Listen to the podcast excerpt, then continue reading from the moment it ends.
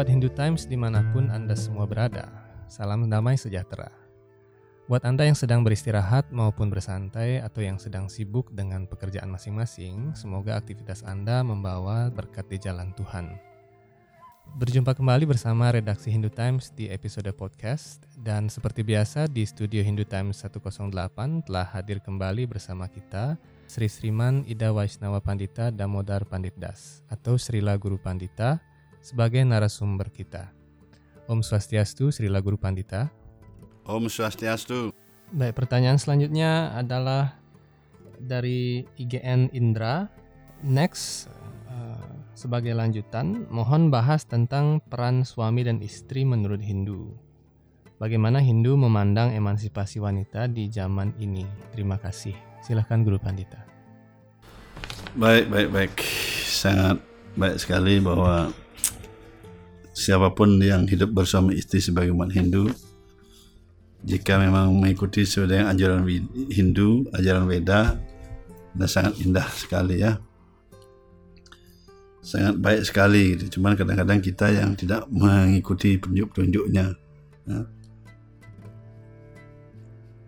Kalau masalah emansipasi wanita, jadi sudah Weda itu memandang dari zaman dahulu sudah ada emansipasi wanita. Tetapi perlu perlu dipahami bahwa emansipasi wanita di sini bukan emansipasi wanita sesuai dengan cara kita. Emansipasi wanita dengan cara beda begitu. Jadi kesimpulannya sebelum saya menyampaikan eh, kesimpulan awal maksudnya begitu. Apa istilahnya kesimpulan ataupun penjelasan umum begitu bahwa emansipasi wanita itu artinya kita harus menghargai keberadaan kedudukan wanita sesuai dengan kewanitaannya itu. Apa tugas-tugas wanita yang harus tidak boleh ditinggalkan? Seperti misalnya menurunkan anak, jangan sampai ada wanita yang tidak mau punya anak. Repot itu pernikahannya. Kedua, memelihara anak, jangan sampai ada wanita yang tidak punya waktu untuk mengurus anaknya. Kalau ingin bahasanya bagus lah. Kemudian yang ketiga wanita mengurus rumah tangga ya harus punya waktu mengurus rumah tangga dengan cara apa? Nah karena itulah laki-laki harus memberi kesempatan pada wanita itu bagaimana agar wanita bisa punya anak, wanita bisa mengurus memelihara anaknya, mengurus anaknya, kemudian menjaga memelihara rumah tangga, urusan rumah tangga begitu ya itu emansipasi wanita. Nah pada saat yang sama wanita pun diberi kesempatan seperti tadi untuk belajar menempuh studi apa pun semuanya. Tapi jangan melupakan itu tugas kewajibannya seperti itu. Ya.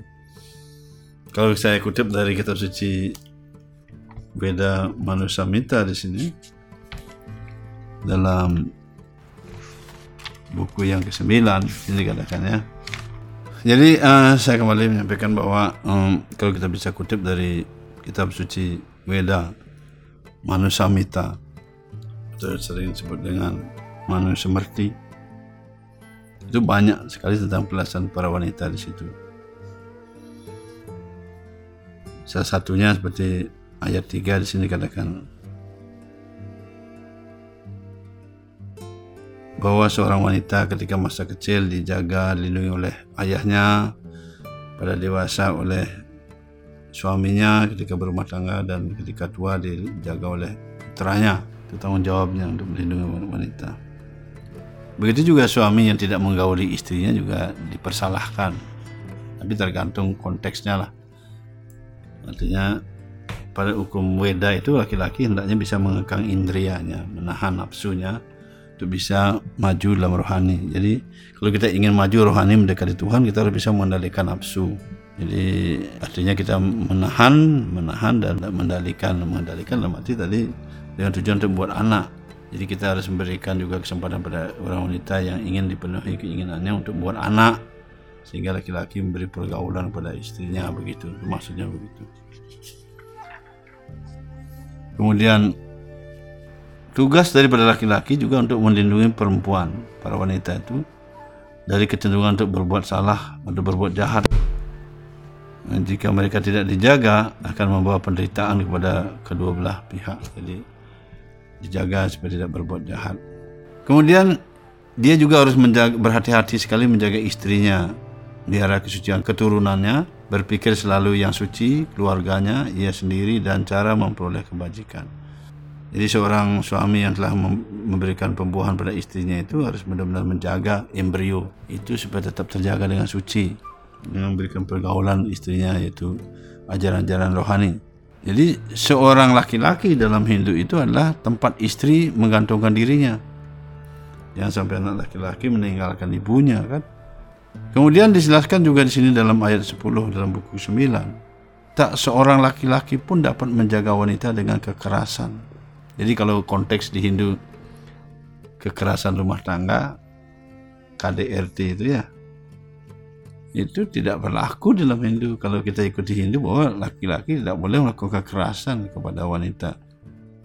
Seperti contohnya Dursasana Duryodhana karena menghina Draupadi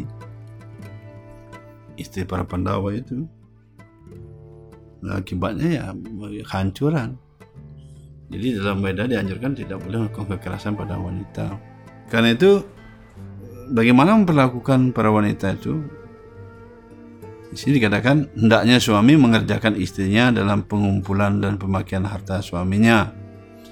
Jadi istrinya suaminya bekerja, istrinya mengumpulkan di rumah, menjaganya, memeliharanya, menggunakan untuk kebutuhan keluarga. Tentu istri juga belajar Ya, kan itu sifat-sifat yang harus mencari seorang wanita yang punya sifat-sifat yang baik juga. Kalau sekarang laki-laki mencari wanita yang sifat-sifat baik, bagaimana berusaha wanita untuk menjaga sifatnya atau menjadi sifat yang baik? Sehingga uang yang diberikan oleh suaminya sebatas mana pun kekuatan suaminya bekerja, dia harus bisa menggunakannya dengan baik. Sehingga tidak salah sasaran. Kadang-kadang untuk hal-hal yang lain, untuk berpoya-poya segala macam begitu, lain lagi masalahnya dikasih kepercayaan. Yang jangan salah menggunakan kepercayaan itu.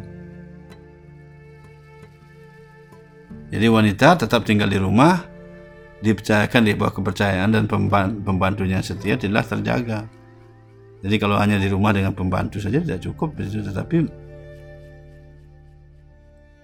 harus dengan kemauan sendiri untuk menjaga dirinya sendiri jadi bukan dijadikan disuruh ada orang menjaga, tapi kesadaran sendiri untuk menjaga diri sendiri. Karena itu para wanita dianjurkan jangan minum minuman keras, bergaul dengan orang-orang yang jahat. Kemudian jangan pernah ingin berpikir berpisah dari suami. Ya. Atau mengembara keluar daerah mana-mana begitu. Tidur pada jam-jam yang tidak layak. Berdiam di rumah laki-laki ini dikatakan enam perbuatan ini adalah sebab jatuhnya bagi seorang wanita itu. Jatuh artinya jadi wanita dianggap seperti tanah. Apakah tanah itu subur tidak? Sedangkan laki-laki adalah benihnya itu. Kalau menanam benih di tanah. Sehingga tumbuh-tumbuhan itu yang tumbuh berbuah itu adalah hasil dari pohon dan tanah. Kalau tanahnya tidak subur, ya tentu tidak bagus tumbuh walaupun benihnya bagus. Kadang-kadang benahnya kurang bagus, tanahnya subur masih masih bisa membantu. Tapi kalau benahnya bagus, tanahnya tidak subur ya susah itu. Nah ini saya sampaikan bahwa uh, penting bahwa di sini yang saya sampaikan secara khusus bahwa uh, wanita itu selalu dijaga dilindungi oleh laki-laki. Tapi bukan berarti wanita itu diperbudak, tidak. Nah, jadi wanita itu supaya terjaga dia menjadi benih tempat benih yang bagus. Wanita ber eh, eh, apa namanya itu emansipasi wanita itu uh, sesuai dengan aturannya. Jadi wanita jangan salah paham dengan emansipasi. Kalau wanita ingin jadi seperti laki-laki apa saja itu kurang tepat lah. Tapi sekarang kalau wanita pakai eh, laki-laki pakai celana panjang, wanita juga Kelas panjang kan udah banyak tuh. Kalau ada emansipasi laki-laki, jadi laki-laki pakai rok nanti. Gimana kelihatan lucu lah. Bahkan sekarang wanita kalau dulu laki-laki pakai celana pendek, sekarang juga terbalik laki-laki jarang celana pendek. Sekarang wanita banyak celana pendek. ya kalau bisa ya anjuran kita sebagaimana seorang wanita yang terhormat dan terpuji begitu artinya uh, yang kelihatan berwibawa dan sangat apa namanya itu nampak indah dan terpuji begitu ya. Menggunakan pakaian-pakaian yang sesuai dalam artian yang terhormat yang tertutupi semua badan. Juga laki-laki juga sama seperti itu. berarti sekarang baru perempuannya pakaiannya harus tertutup karena laki-laki seenaknya pakaian itu tidak begitu. Karena pandangan pada umumnya sama saja. Laki-laki mendang wanita mungkin dengan badannya mungkin tergiur sebaliknya juga begitu. Cuman cara mengungkapkan aja berbeda.